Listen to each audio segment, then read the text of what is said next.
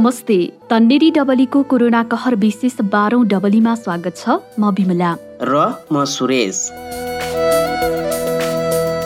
सुरेश हामी बाह्रौँ डबलीमा आइपुग्दा कोरोना सङ्कटका बेलाका कुरा सुनेर धेरै श्रोताले हामीलाई साथ दिनु भएको छ। त्यसका लागि हामीले श्रोतालाई धन्यवाद दिनुपर्छ। कि कसो? हो हो नि विमला यो डबली मार्फत कोरोनाको बेलाका हाम्रो अनुभव र कुरा एकअर्कामा बाँड्ने यो प्रयासलाई इमेल मार्फत आफ्नो कुरा पठाई हौसला दिनुभएकोमा झन् धेरै धन्यवाद। हामीले बाह्रौँ श्रृङ्खलासम्म आइपुग्दा फरक फरक क्षेत्रका मानिसहरूको भोकाइहरू सुनाएका छौँ अनि ती विषयहरूमा चर्चा पनि गरेका छौँ नि। हो नि डबलीमा हामीले विविधता प्रस्तुत गर्ने प्रयास गरेका छौँ।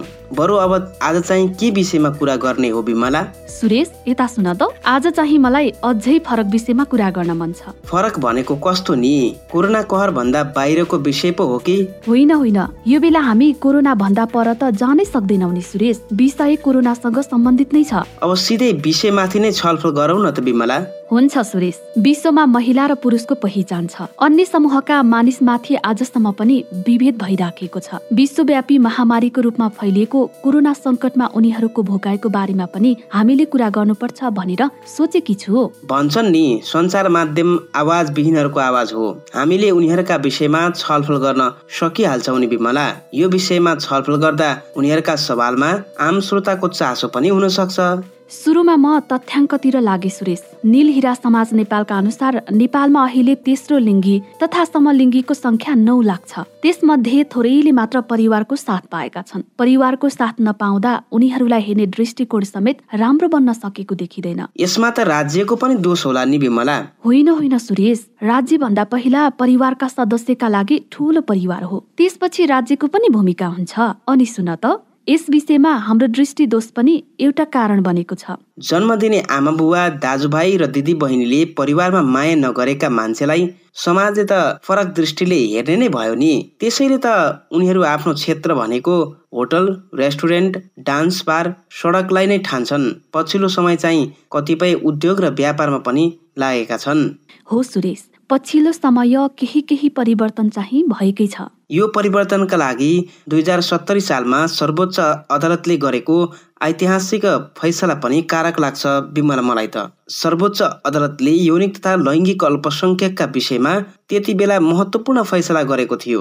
हो नि त्यो त एउटा महत्त्वपूर्ण फैसला थियो। यो समुदायको अधिकारका लागि पूर्व सांसद सुनिल बाबु पन्त नील हिरा समाजकी अध्यक्ष पिङ्की गुरुङ तेस्रो लिङ्गी अधिकार कर्मी आनिक राणा लगायतले संयुक्त रूपमा प्रधानमन्त्री गृहमन्त्री र सबै सिडिओ कार्यालयलाई विपक्षी बनाएर दायर गरेको रिटमाथि नै यो फैसला भएको थियो सुरेश। ए यो विषयमा त तिमीलाई सबै थाहा रहेछ त। तिमी पनि चासो राखेपछि केही केही विषय त थाहा भइहाल्छ नि सुरेश। हो त नि है। अब चाहिँ हामी लकडाउनमा यो समूहका साथीहरूले भोगेका पीडा र अनुभवका विषयमा कुरा गरौँ न त विमला हुन्छ। म पनि त्यही सोच्दै थिएँ सुरेश। आज मैले कोरोना सङ्कटपछि भएको लकडाउनको समयमा यो समुदायका व्यक्तिले भोगेको पीडाको एउटा प्रतिनिधि सामग्री ल्याएकी छु। पहिला त्यो सुनौ अनि अरू गफ गरौँ हुँदैन? भइहाल्छ नि विमला त्यो भोगाई चाहिँ कसको हो नि? यो भोगाई छब्बिस वर्षीय आयना लामाको हो। यो उहाँको परिवर्तित नाम हो। उहाँले आफ्नो भोगाई हामीसँग साटेर आफ्नो परिचय गोप्य राख्न भन्नुभएको छ। लकडाउन अघि काठमाडौँका बार र रेस्टुरेन्टमा नाच्ने उहाँले लकडाउन पछि बेरोजगार बन्दाका पीडा र त्यो समयमा भोगेका तिता अनुभव हामीसँग साट्नु भएको छ। सुनौ है ए हो र। ठिक छ त। उहाँले आफ्नो परिचय गोप्य राख्न चाहनु भएको भए त हामीले त्यसलाई सम्मान गर्नु नै पर्छ नि। अब चाहिँ भोगाई नै सुनौ न त विमला। हुन्छ हुन्छ। अबको पालोमा हाम्रो साथी दिपज्योति श्रेष्ठको आवाजमा ट्रान्स वुमन भन्न रुचाउने आयना लामा नाम परिवर्तनको लकडाउन अनुभव सुनाउ है त। आयनाजीको यो अनुभव वैशाख एघारमा सागर चन्दजीले गर्नुभएको कुराकानीमा आधारित छ।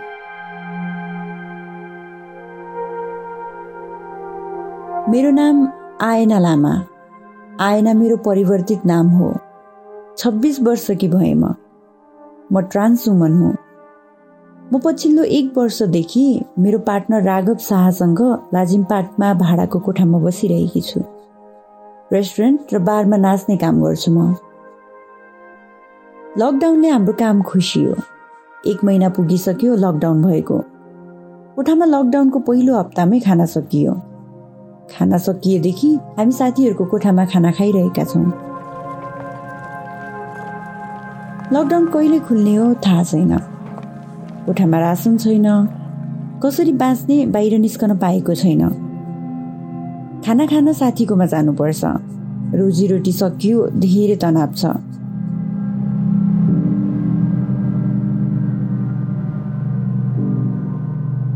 कोठामा खाना सकिएपछि खाना खोज्दै साथीको कोठामा जान पनि सजिलो छैन।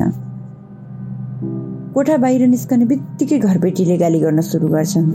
बाटोमा पुलिसले भेट्यो भने कुट्छन्। साथीहरूकोमा खाना खान गयो। फर्केर आउँदा कहिले त घरबेटीले मूल ढोकामा तालचा लगाएको हुन्छ। भोको पेटमा घरबेटीको गाली र किचकिच सुनेर झन् तनाव हुन्छ। बाहिर निस्क्यो भित्र आयो गाली गर्छन्। उनीहरू जस्तो भरिपूर्ण छैनौँ हामी। अह छैनौँ। पेट भर्न भए पनि साथीहरूको कोठामा जानै पर्यो। रहरले त कहाँ गएका हौ र? हामीलाई पनि त डर लाग्छ। बेला यस्तो छ। तर के गर्नु? भोकको पेट कति दिन थुनिएर बस्न सक्नु? दिमागले यस्तो अपमान कति सहनु? अब मरे नि मरोस्। घरभित्रै बस्छु भन्छु पेट मान्दैन। भोको पेट कतिन्जेल नै शान्त बस्न सक्छ र अनि जति नै गाली किचकिच र अपमान सहेर पनि यो बन्द सहरमा बाहिर निस्कने हिम्मत बटुल्छु।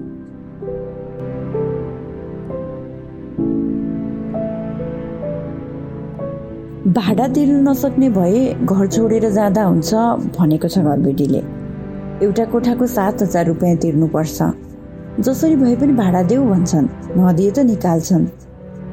दुईचोटि भाडा मागिसक्यो अहिले काम छैन पछि दिन्छु भन्दा पनि मानेका छैनन्। भएको पैसा सकियो। खानै मुस्किल भइरहेको बेला भाडा कसरी तिर्नु?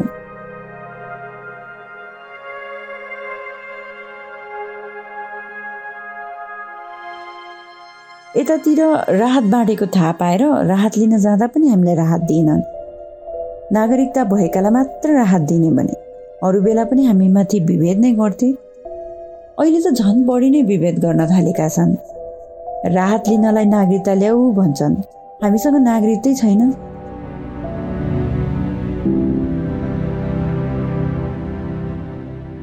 मैले निरन्तर हर्मोन ट्रान्सम्यान उमनले सेवन गर्ने एक प्रकारको औषधि लिनुपर्छ। डाक्टरले तोकेको समयमा हर्मोन लिन नपाउँदा अहिले स्वास्थ्य समस्या देखिएको छ। छिटो छिटो रिस उठ्ने जिउ र ढाड दुख्ने समस्या हुन थालेको छ। कतिखेर त मर्छु कि जस्तो लाग्छ। पैसा नभएर औषधि किन्न सकेकी छैन।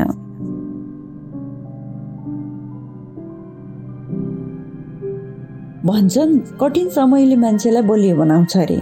तर खै हामीलाई त सजिलो समय कहिले आएन हो। लड्न पनि के केसँग लड्नु? कहिले आफ्नो परिचयको लागि लड्नु परेको छ कहिले आफ्नो आत्मसम्मानको लागि त कहिले नागरिक बन्नको लागि लड्नु परेको छ? कहिले आफ्नै परिवारसँग लड्नु परेको छ कहिले समाजसँग लड्नु परेको छ त कहिले राज्यसँग?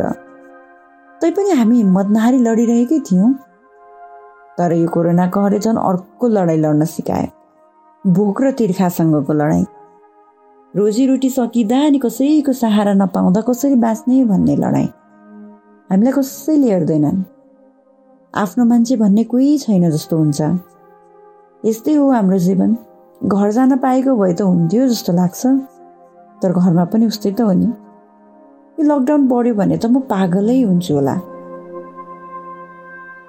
राहत छैन। पानी किन्ने समेत पैसा छैन। खासमा अहिले हामीले भोगिरहेको यो विभेद कोरोनाभन्दा डेन्जर छ। कानुनी रूपमा शक्तिशाली भए पनि समाजमा उनीहरूको पीडादायी भोगाई चाहिँ निकै दुःखद छ है विमला। विश्व कोरोनाको सङ्कटमा छ तर यो भोगाईमा कोरोना भन्दा समाजले गर्ने व्यवहारलाई खतरा भनेको कुराले चाहिँ मेरो मनै छोयो के? हो नि सुरेश। सबै कुरा मान्छेको बसमा हुँदैन। यसमा उनीहरूको दोष पनि के नै छ र समाजमा यसरी विभेद नै गर्नुपर्ने गरी त होइन त? त्यही त भनेको विमला त्यसमाथि काठमाडौँमा डेरामा बस्नेका दुःख छुट्टै हुन्छन्। लकडाउनले डेरावासीका दुःखमा घरबेटीको आतंक नै थपिदियो। त्यसैले त समाजले राम्ररी हेर्न नसक्ने समुदायका मान्छेलाई लकडाउनले त अझ पीडामाथि पीडा थपिदियो नि। हो नि सुरेश यो त लकडाउन सुरु हुँदाको भोगाई हो। तीन महिनासम्म लकडाउन भइसके कोरोना सङ्कट नेपालमा सुरु भएको पनि करिब दस महिना पुगेको छ। यो समयसम्म आइपुग्दा मान्छेका दुःख कति थपियो होलान्। कोठामा खानेकुरा सकिएपछि साथीकोमा कति दिन खाना खाए होला? अझ साथीकोमा जाँदा र आउँदा प्रहरीको लाठी खानुपर्ने यो त साह्रै अन्याय नै हो नि बिमला हो नि त्यसरी एक छाक खाएर कोठा फर्किँदा घरबेटीले मूलगेटमै ताला लगाएर प्रवेश नदिँदा र कोठामा पस्दै गर्दा गाली र किचकिच गर्दा कति तनाव बढ्थ्यो होला। सपनाको सहर काठमाडौँले पनि कति दुःख दिएको हो मान्छेलाई। भोगाई पनि कस्तो कस्तो हो सरकारले बाँडेको राहत समेत उनीहरूले नपाउने त्यति मात्र होइन। निरन्तर लिनुपर्ने औषधि समेत नपाउनुको पीडा हामीले गफ गरे जस्तो मात्र हुँदैन होला है बिमला। सुरेश समस्याको मात्र कुरा नगर न। यो समुदायले भोगेको कोरोना भन्दा डरलाग्दो विभेदको अन्त्य चाहिँ कसरी गर्न सकिला? विभेद भन्ने कुरा एकसाथ अन्त्य हुँदैन रहेछ बिमला। तर यो विषयमा मान्छेसँग पूर्ण रूपमा जानकारी चाहिँ आवश्यक पर्दो रहेछ। सबै मानिसले उनीहरूलाई राम्ररी चिनेपछि मात्र राम्रो व्यवहार गर्न सक्छन्। हामीले सबैलाई यो विषयमा खुलेर कुरा गर्ने मौका दिनुपर्ने रहेछ। जुन कुरालाई हामी लुकाउँछौँ नि त्यही सानो कुराबाट समाजमा ठुलो विभेद हुन्छ। सबै मानिस एकै हौ भन्ने अनुभूति सबैले गर्न सक्ने वातावरणको सिर्जना समाजदेखि सरकारसम्मले गर्नुपर्छ। सही भन्यो सुरेश। विभेद एउटाको पहलले मात्र सम्भव हुँदैन। यो सामूहिक प्रयास र लामो सङ्घर्षबाट अन्त्य गर्न सकिन्छ। तर आफ्नो लडाईँलाई कहिल्यै लड्न छोड्नु हुँदैन। आफ्नो तर्फबाट त उनीहरूले निरन्तर प्रयास गरिराखेका रहेछन्। अरूले पनि उनीहरूको आवाजमा होस्टेमा हैसे गर्न सघाउनु पर्ने रहेछ विमला सामान्य विषयलाई ठुलो बनाएर भन्दा पनि त्यसलाई सामान्य ढङ्गबाटै समाधान गर्नु पो राम्रो हुन्छ त। हो त नि सुरेश आज तिमीसँग फरक विषयमा कुरा गर्न पाएर साह्रै खुसी लागेको छ। एकदमै नयाँ विषय त होइन विमला यो तर धेरै मान्छेका पीडामाथि आज हामीले बहस गरेका छौँ। थप बहस अन्य अन्य श्रृङ्खलामा पनि गर्नुपर्छ। के कसो?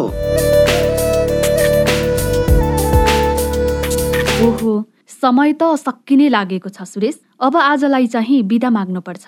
हुन्छ बिमला हेर न अहिले अझ कोरोना भाइरसको नयाँ प्रजाति युरोपतिर फैलिरहेको चर्चा छ। त्यसैले पनि सावधानी अप्नाउनु चाहिँ नछोडौँ है। ल ल सुरेश। यो विषयमा अर्को बसाइहरूमा छलफल र चर्चा गर्दै गरौँला। हुन्छ हुन्छ बिमला। हामीलाई पोडकास्टमा सुनेर तपाईँलाई कस्तो लागिरहेको छ? जुनसुकै प्लेटफर्मबाट तपाईँ हामीलाई सुन्दै हुनुहुन्छ कस्तो लाग्यो भन्नुहोला है। यदि राम्रो लागेको छ भने अरूलाई पनि भन्नुहोला र केही प्रतिक्रिया र सुझाव भए हामीलाई podcast at the rate Tanneri Chaso dot net मार्फत भन्नुहोला है। हामी तपाईँका सल्लाह सुझाव र प्रतिक्रियाको प्रतीक्षा गरिरहेका छौँ। तपाईँलाई लाग्ला हामीले यो कोरोना कहरलाई बिर्सेर अगाडि बढ्न खोजिरहेका छौँ। फेरि यिनीहरू के के भनेर यही कुरामा अल्झाइराखेका छन् भनेर तपाईँलाई लाग्न सक्छ। हामीलाई लाग्छ कठिन समयले मान्छेलाई झन बलियो बनाउँछ। यो कहरमा हामीले धेरै कुराहरू देख्यौँ भोग्यौँ। कतिपय कुराहरूले व्यथितिहरू पनि झल्कायो। कति कुराहरूले हामीलाई बलियो पनि बनायो। कति कुराहरू समाजमा अझै यथावत रहेको प्रेम सद्भाव एकताको पाटोलाई पनि यो महामारीले देखायो। यो कुराहरूले अर्को विपदको लागि हामीलाई तयार बनाओस् भनेर पनि हामीले यो कुराहरूलाई दोहोऱ्याइरहेका छौँ। हो नि ए साँच्चै। तपाईँले हाम्रो यो डबली गफलाई पोडकास्ट एपमा मात्र होइन तन्नेरी चासोको अफिसियल फेसबुक पेज र युट्युबमा T N N E R I डिएबिएलआई Tanneri Dabali type गरेर पनि सुन्न सक्नुहुन्छ। र त्यहाँ तल कमेन्टमा गई प्रतिक्रिया पनि दिन सक्नुहुन्छ है। हवस्। त आजलाई भने म बिमला। र म सुरेश बिदा हुन्छौँ। लौ त फेरि भेटौँला। नमस्कार। नमस्कार।